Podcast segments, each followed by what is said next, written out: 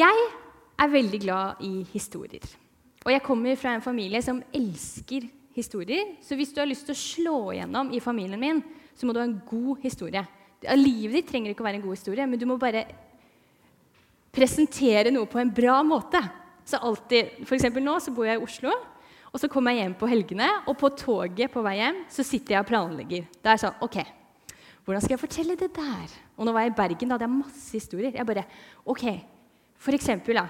Jeg har tatt en tatovering. Jeg vet ikke hva dere føler om det, men den vil jeg vise fram. Den er ganske ny. Norgespremiere. En strek. Det er veldig radikalt. Det er helt crazy. Uh, og så tenkte jeg Noen mennesker kommer hjem og sier 'Jeg har tatt en tatovering'. Men jeg sitter på toget ikke sant? og bare 'OK, hvordan skal jeg gjøre det her? Hva er planen min?' Og jeg har liksom, for jeg vet at hvis jeg skal få god respons, så er det bra med litt punch. Det må være litt sånn. Det betyr også at hvis du er en av mine tre søsken som ikke er så god på å fortelle historier, så må du jobbe litt med å få respons. Så jeg stiller ganske bra, for jeg elsker å fortelle historier.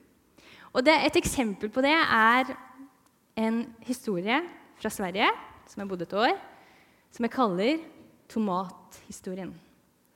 Mm, ja, Heldigvis er ingen av søsknene mine her, for de liker ikke den historien. For de syns det er teit. For jeg har fortalt den mange ganger, mange steder. Men mange av dere har ikke ført den. Så det er helt nydelig. Tomathistorien går slik. Jeg satt ved et bord. Det var påskemåltid hjemme hos en familie jeg bodde hos. Spiste en skjæret tomat. Sølte tomat utover hele på den nye duken. Det er én måte å si det på. Det er ikke måten jeg forteller den historien på. Unnskyld meg, det er jo boring. Når jeg skal fortelle den historien, Vi kan gå til andre siden, så dere skjønner at her, her fortelles de gode historiene. Ja. Når jeg skal fortelle en historie, så forteller jeg først.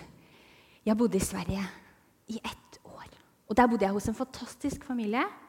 Og han faren han hadde fått en duk av moren sin. Og det er sant, altså. Det er bare at man må bare få det fram. En duk. Og moren hadde sagt, han var sånn Vi setter oss ned ved bordet, og han er bare sånn Den duken her, den jeg har fått av moren min, den er liksom nesten hellig. Den er så viktig. Dere må ikke søle på den duken. Og jeg bare Ja, ja selvfølgelig. Skal ikke søle. Spise pent. Alle sitter. Påskelam, saus, alt går fint. Så kommer jeg, tar en cherrytomat. Og dere vet at det er fare når du tar en cherrytomat som ikke er delt opp. Den er hel. Tar den i munnen, setter tenna i, og det skjer det som aldri skulle skjedd. Psh, tomater over hele. Det er tomat på duken, det er tomat på maten, det er tomat på tallerkenene til de andre, det er tomat på menneskene rundt bordet. Og det blir helt stille etter jeg har gjort det her. Og så sier han igjen sånn Ja, ja, det var den duken. Det er sånn jeg liker å fortelle denne historien. Litt mer punch, ikke sant? Man ser det mye mer for seg da. Det ser ut som at det bare kom liksom ketsjupflasker med tomat. Mm. Jeg liker historier. Derfor har jeg lyst til å fortelle dere noen historier i dag. Her har vi tre forskjellige personer. Og vi starter helt til venstre, mm, ganske logisk, med den første historien som jeg leste i stad, om kvinnen som ble grepet i ekteskapsbrudd. Jesus sitter altså ute blant folket og underviser. De skriftlærde, de menneskene som har veldig mye teori inne, de vet hva som er rett, de vet hva man skal gjøre. De har funnet en kvinne som har blitt tatt i ekteskapsbrudd. Perfekt. Det er en herlig måte å starte søndagen på. Tar henne ut, og nå skal man følge loven, og hun skal steines. Og De tar henne med til Jesus, og de spør ham om hva de skal gjøre. Og De påpeker også at hun er grepet på fersk gjerning, og at Moses har påbudt oss å steine slike kvinner. Så jeg tenker da Hvis vi tenker at steiner det kan representere Jeg tenkte at øh, øh, søndagsskolen skulle være her, så jeg kjørte litt søndagsskolesild. jeg tenker at det er bra for voksne også. Hvis vi tenker at steiner det representerer det som ikke kvalifiserer oss. det som gir oss en grunn til å på en måte få en, en stein. Da. Så denne steinen, det er denne kvinnen. Hun er for det første en kvinne. Det var heller ikke så populært. Uh, hun har tatt i ekteskapsbrudd. Hun har brutt ekteskapet på en måte som det er, altså det er helt ikke greit. Og hun har også tatt i det, tenker jeg. tenker at Det også er litt denne steinen, og det er skambelagt. Alt mulig. Vi plasserer denne steinen her, og der slutter vi med hennes historie. Fordi jeg vet om to andre personer med historier som det er noen steiner oppi.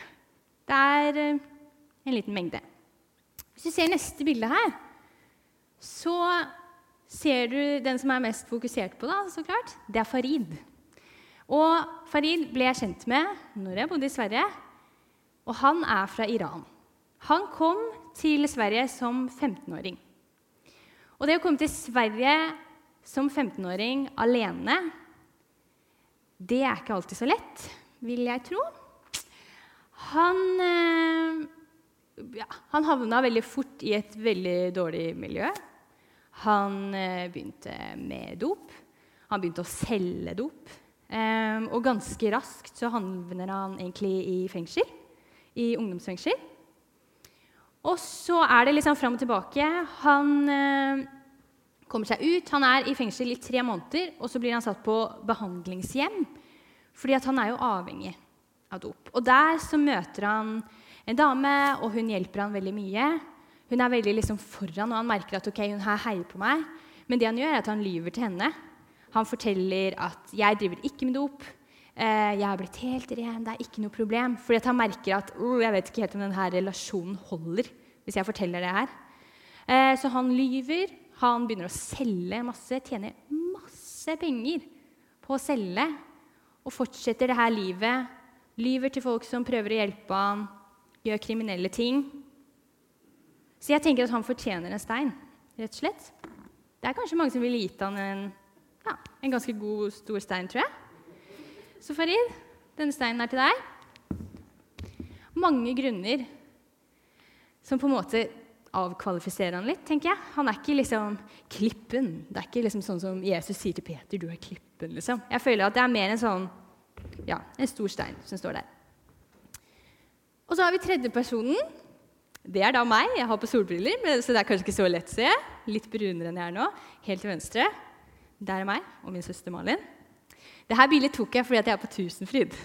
Og jeg hadde det veldig fint. Så jeg ble glad å se på.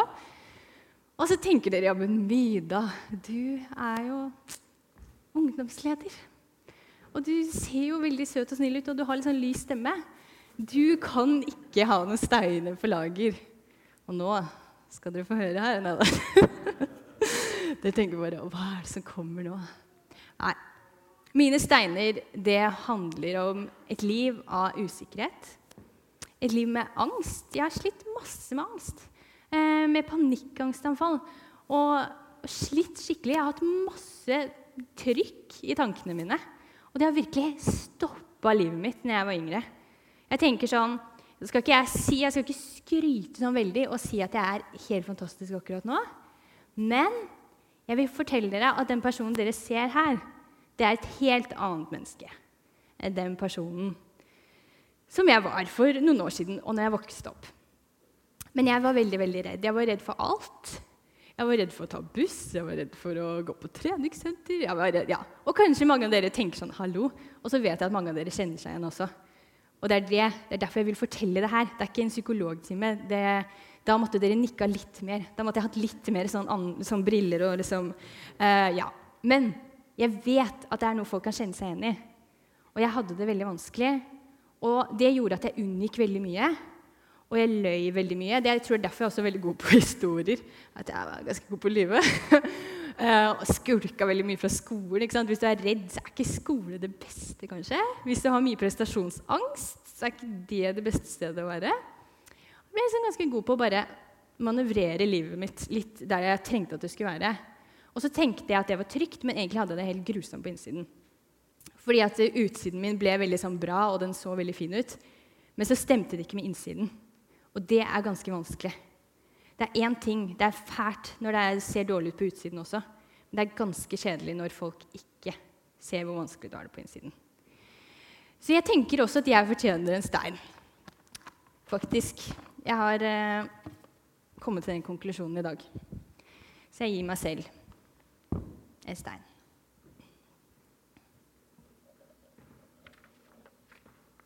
Men det som er, når man forteller en historie, så har fortelleren veldig mye makt.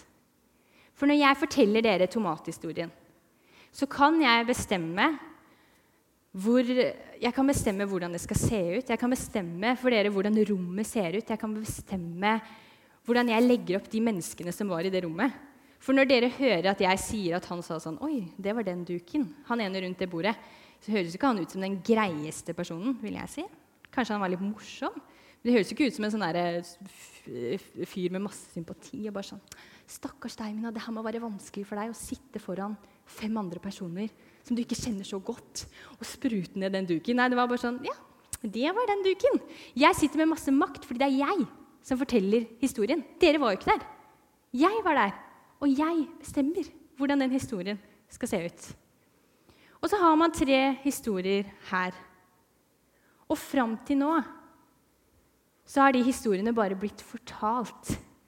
Og jeg tenker at de blir fortalt Historien til kvinnen blir på veldig mange måter fortalt ut fra fariseerne og de skriftlærdes perspektiv. De forteller Jesus hvem hun er, hva hun har gjort, og hva som skal skje med henne. Farid hans historie blir fortalt ut fra alt det gale han har gjort. Han, bare, han kom hit, han gjorde det, han er kriminell, han driver med dop. Og så har du min historie. Den er fortalt ut fra alle usikkerhetene mine. Alle de tingene jeg ikke fikk til. Men vi tre vi har faktisk en fellesnevner. Og det er at Jesus har valgt å gi oss en ny historie. For det syns jeg er så fantastisk. Her står det at i 1. Johannes kapittel 3, vers 19-20 står det at slik skal vi vite at vi er av sannheten. Og vi skal la vårt hjerte falle til ro for hans ansikt. Jeg måtte ha med den delen, for jeg elsker det. Tenk å kunne la hjertet ditt falle til ro foran Guds ansikt. Tenk så godt å vite at Gud ikke står og ser sint på deg. Jeg tenker at Hjertet kan ikke falle til ro for et sint ansikt. Det faller til ro for et ansikt som viser nåde, øyne som ser på deg med kjærlighet. For selv om hjertet fordømmer oss, er Gud større enn vårt hjerte og vet alt. Så vi fortsetter da videre i den historien om kvinnen som ble tatt i ekteskapsbrudd. Og vi stoppa der hvor de spør Jesus hva skal vi gjøre med det her? Jesus sitter og skriver i sanda. Jeg vet ikke, Kanskje han tegna noe? En blomst eller noe? Nei da. Men han sitter og skriver. Og så fortsetter de å spørre, og han retter seg opp. Og så sier han, 'Den av dere som er uten synd, kan kaste den første steinen.' Det er jo ikke det svaret de forventa i det hele tatt. Og så bøyer han seg ned igjen og skrev på jorden. Og da de hørte det, gikk de bort, én etter én, de eldste først. Og når jeg sitter der, og hvis jeg tenker at jeg er i denne historien Tenk å være den kvinnen som sitter kanskje bøyd, kanskje øynene lukka, fordi man forventer å få steiner på seg. Så hun skal jo dø. Og så bare hører man steiner som faller. Du bare hører steiner som faller på bakken, og skritt som går. Det må være helt vilt. Det er ikke det hun forventer. Hun sitter der og vet at nå har jeg kanskje kommet til slutten. Og så bare tjup, snur historien helt. Fordi at Jesus spør dem et spørsmål, og han peker på noe i livet deres som jeg vet, og som du vet er sant. At vi har alle steiner. Det er ingen som lever et liv uten steiner. Vi bærer på de alle sammen. Og så synes jeg det er så gøy, fordi at når de sitter alene, og så står kvinnen foran ham, og så retter Jesus seg opp, og så bare elsker jeg det spørsmålet. Jeg, I mitt hode så ser jeg for meg at Jesus er litt sånn Det må være litt morsomt når han er sånn Hvor er de? Han er jo ganske klar over hvor de er. Jeg regner ikke med at Jesus var et annet sted, og så forsvant alle. Og så er han sånn Hæ, hvor er de igjen? det kan ikke være et genuint spørsmål. Det må jo være Jeg kan se for meg at han ser på henne, og så ler han litt. Og så er han sånn Ja, hvor ble det av dem, da? Hvor har det blitt av den gjengen som ikke hadde steiner, bare hadde steiner å kaste? Hvor har det blitt av dem? Er det ingen som har fordømt det? Jesus vet jo det her. Og så sier hun, 'Nei, Herre, ingen'. Og da sa Jesus, 'Heller ikke jeg fordømmer deg. Gå bort og synd ikke mer fra nå av.' Så Jesus forteller henne at den steinen her, det er en stein. Det er det. Og han sier, 'Synd ikke mer fra nå av'. Men det han også sier, er at den steinen her, det er ikke en, snuble, det er ikke en stein som på en måte stopper deg fra å gjøre det du skal. Det er ikke en stein som du må gå med på skuldrene. eller et eller annet. Jeg tenker at den steinen her, etter at Jesus kom inn i bildet, så er den steinen her noe hun kan stå på. Det er ikke så god balanse. Der. Ja. Tenk at den er litt stødigere. Men det er noe hun kan stå på. Det er den steinen i stedet for å bli det som får henne til å falle om og om igjen. Når man får Jesus inn i bildet, så blir den steinen noe som kan løfte henne opp. Det blir en del av hennes historie. Det blir noe som hun kan gi videre til andre mennesker. Noe som gjør at hun har noe å komme med. Det blir faktisk en hjelp i stedet for noe som får deg til å falle. Og så er det Farid. Farid sin historie den slutter jo med at han bare Han har liksom Ja, det er ikke bra. Se for deg det. Folk prøver å hjelpe deg, du lyver til dem. Og det som skjer med denne historien, er at på det behandlingshjemmet så møter han en dame som heter Mariell.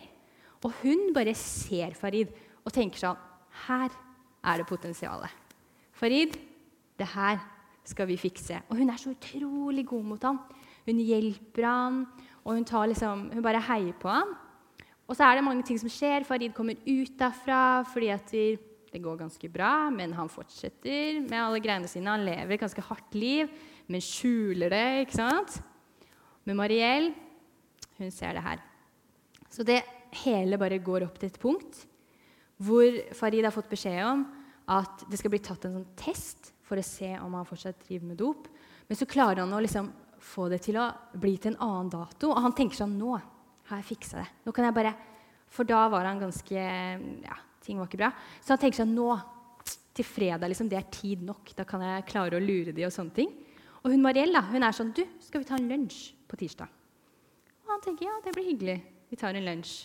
Men under den lunsjen så sier Mariell nå skal du ta en test. Uh, og alt bare raser for Farid. For det her var jo ikke poenget. Nå kommer hun til å forstå at han lyver. Han kommer til å miste kanskje mye av den hjelpen han har fått. Han må inn et annet, et annet sted. Alt han har bygd opp, bare psh, raser sammen. Men så gir han opp. Han forteller henne sannheten. Og så sier hun, og det her er en del av den historien Det er en litt vill historie. Men hun, forteller, hun sier til han at 'jeg vil at du skal flytte hjem til meg og familien min'. Så hun tar Farid jeg vet ikke hvor gammel han er da, kanskje 18-17 år, inn i hjemmet sitt. Og Den første kvelden som Farid sitter der ved bordet sammen med barna hennes, så sier hun til Farid at her sitter du, og her sitter barna mine. Og du er like verdig til å sitte ved det bordet her som det barna mine er. Tenk å si det. Ser hun ikke steinene hans, eller? Har hun ikke fått med seg at han er kriminell? Har hun ikke fått med seg at han lyver? Har hun ikke fått med seg at han har drevet med dop og han har solgt? Har hun ikke fått med seg noen av de, den svære steinen som er i livet hans? Hvordan kan hun si noe sånt? Men hun kjente Gud. Hun var en kristen. Og jeg sier ikke at fordi man er kristen, så skal man ta kriminelle mennesker bare rett inn i hjemmet sitt. Altså. Det er ikke sikkert det er det du skal. Men hun gjorde det. Og hun kunne si til ham at du er like verdig til å, stå, til å sitte ved det her bordet som barna mine. Og det treffer, altså det, det treffer han jo. Men det er fortsatt vanskelig.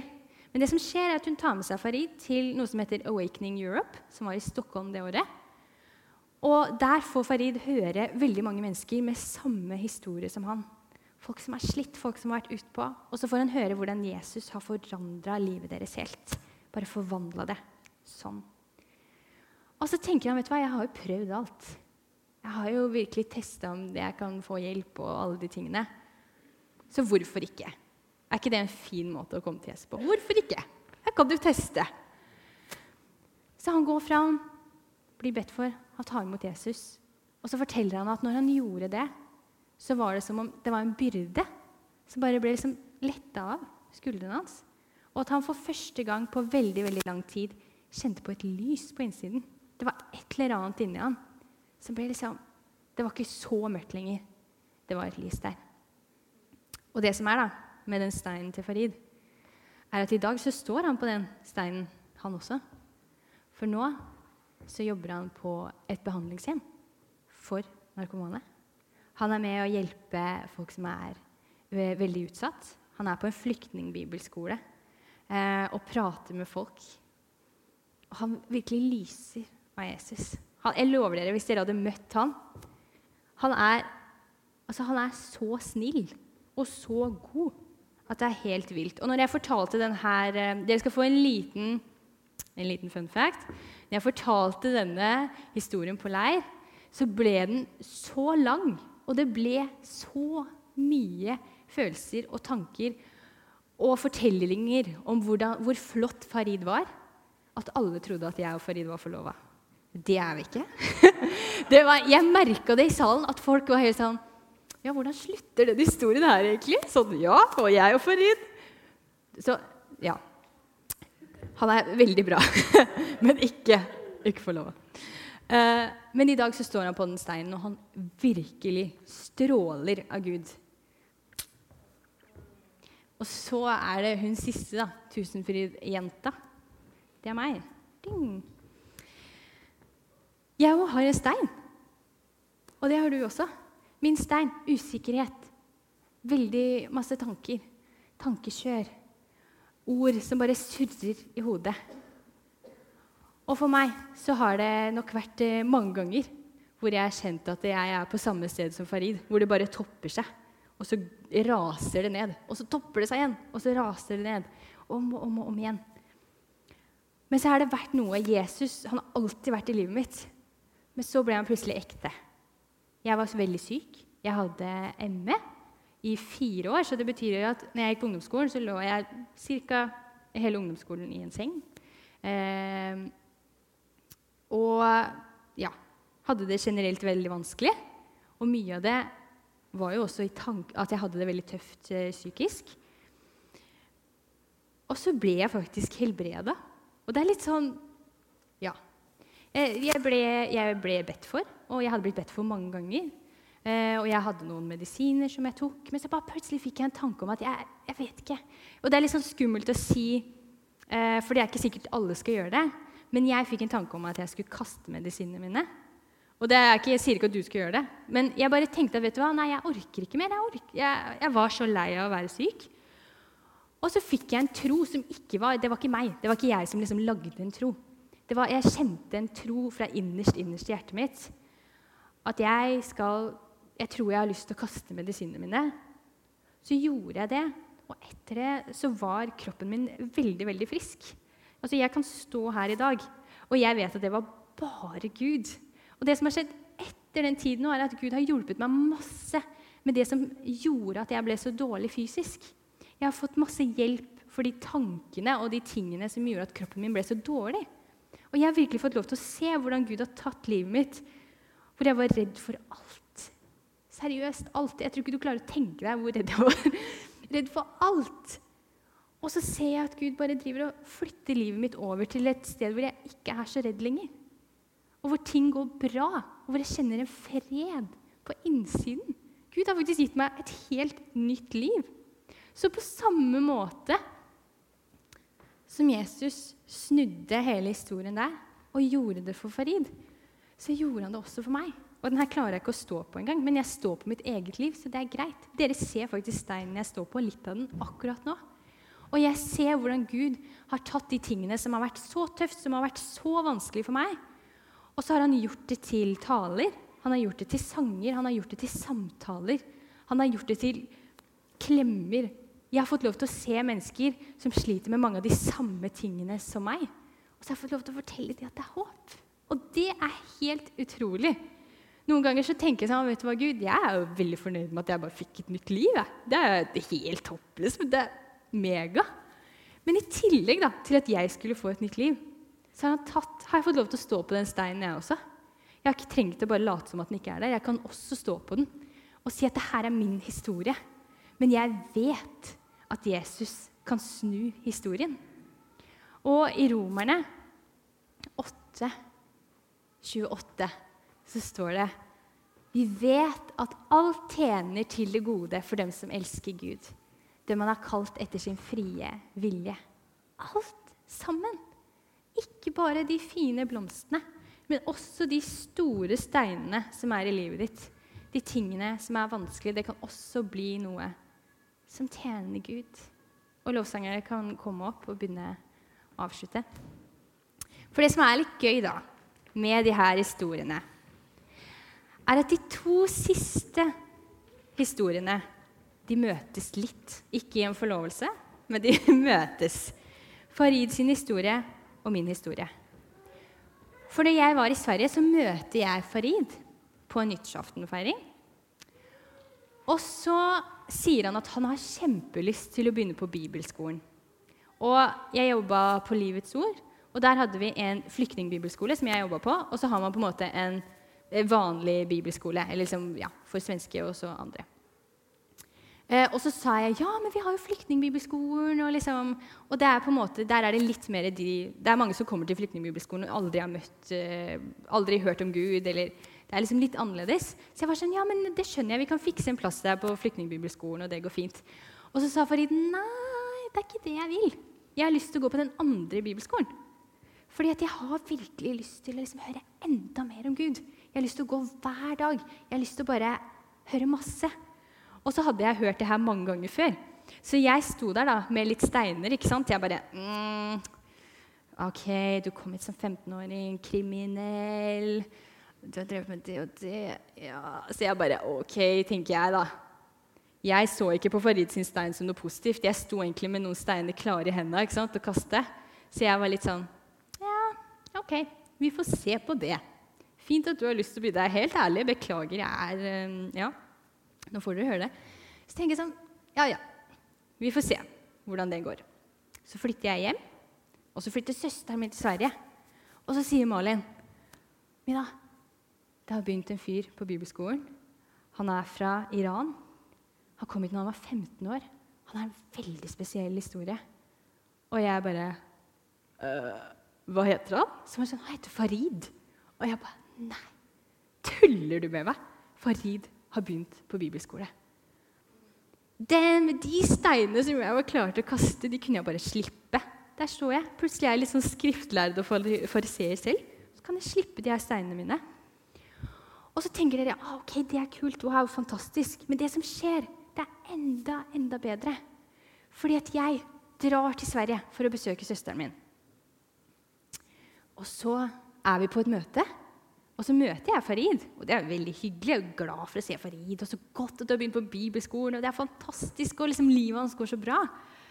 Og så tenker jeg hele tiden sånn ah, Ja, jeg heier på Farid, ikke sant? Jeg, Mina Med ikke så mange steiner som Farid, kanskje, som synes, da. Ikke sant? Jeg heier på Farid. Det er så bra, Farid.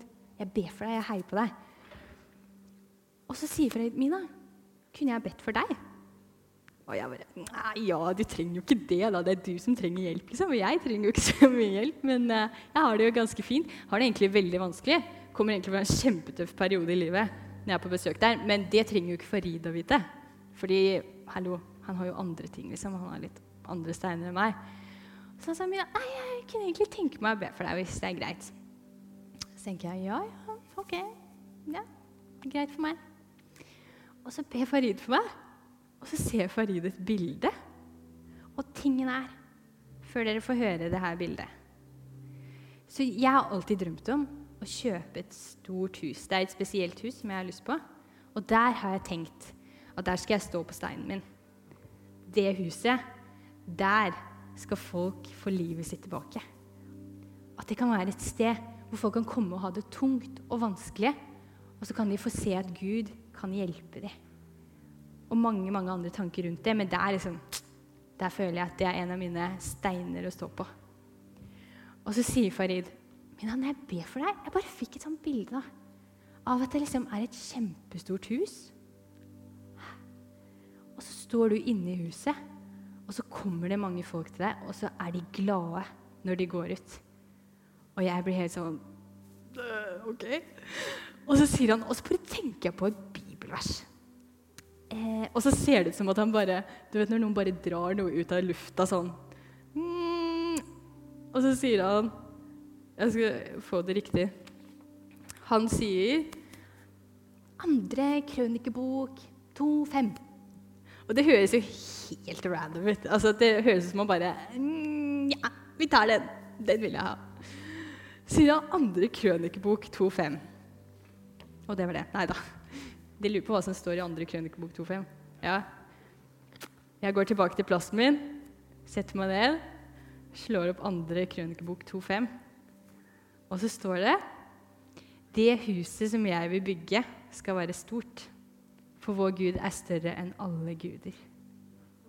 Er ikke det utrolig? Og Jeg ønsker egentlig ikke å fortelle den historien fordi at dere skal vite at jeg har lyst til å bygge et stort hus. Men tenk Tenk hvis jeg bare hadde sett på den steinen til Farid. da. Tenk hvis jeg ikke hadde klart å legge fra meg de, de der steinene som jeg hadde. Da hadde jeg aldri fått høre det der, tror jeg. For jeg tror det var noe helt spesielt med at Farid kunne si det til meg. Og det er så typisk Gud. Det er så typisk Gud å ta folk med steiner. Folk som har ting i livet sitt. Det har vi alle. Og i stedet for at det skal bli en ting som holder oss tilbake, og som gjør at vi ikke er kvalifisert, så blir det plutselig en av de tingene som vi kan stå på. Kvinnen som ble tatt i ekteskapsbrudd. Farid. Meg. Det blir faktisk noe som gjør at vi kan vise enda mer av hvem Gud er, fordi livet vårt har blitt snudd. Og jeg vet at du har steiner i livet ditt, og jeg vet at det er mange her som har sett akkurat det.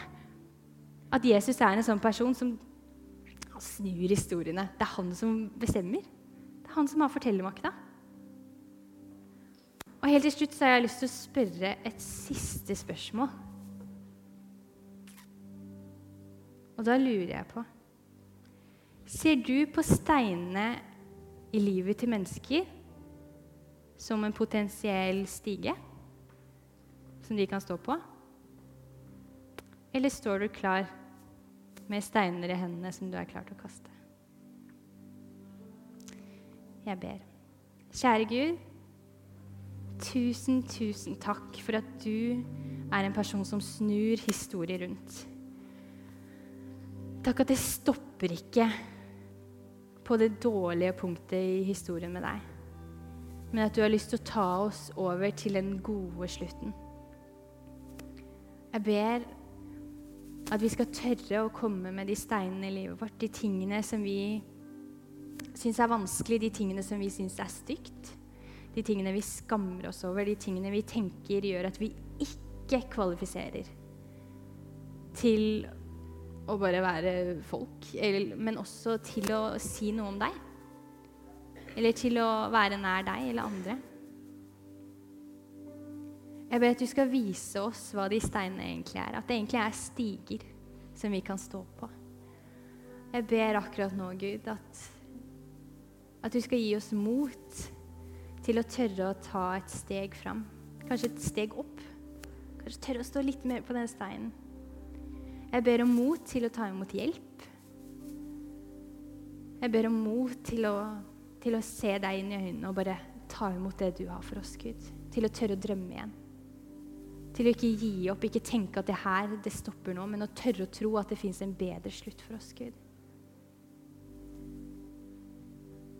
Amen.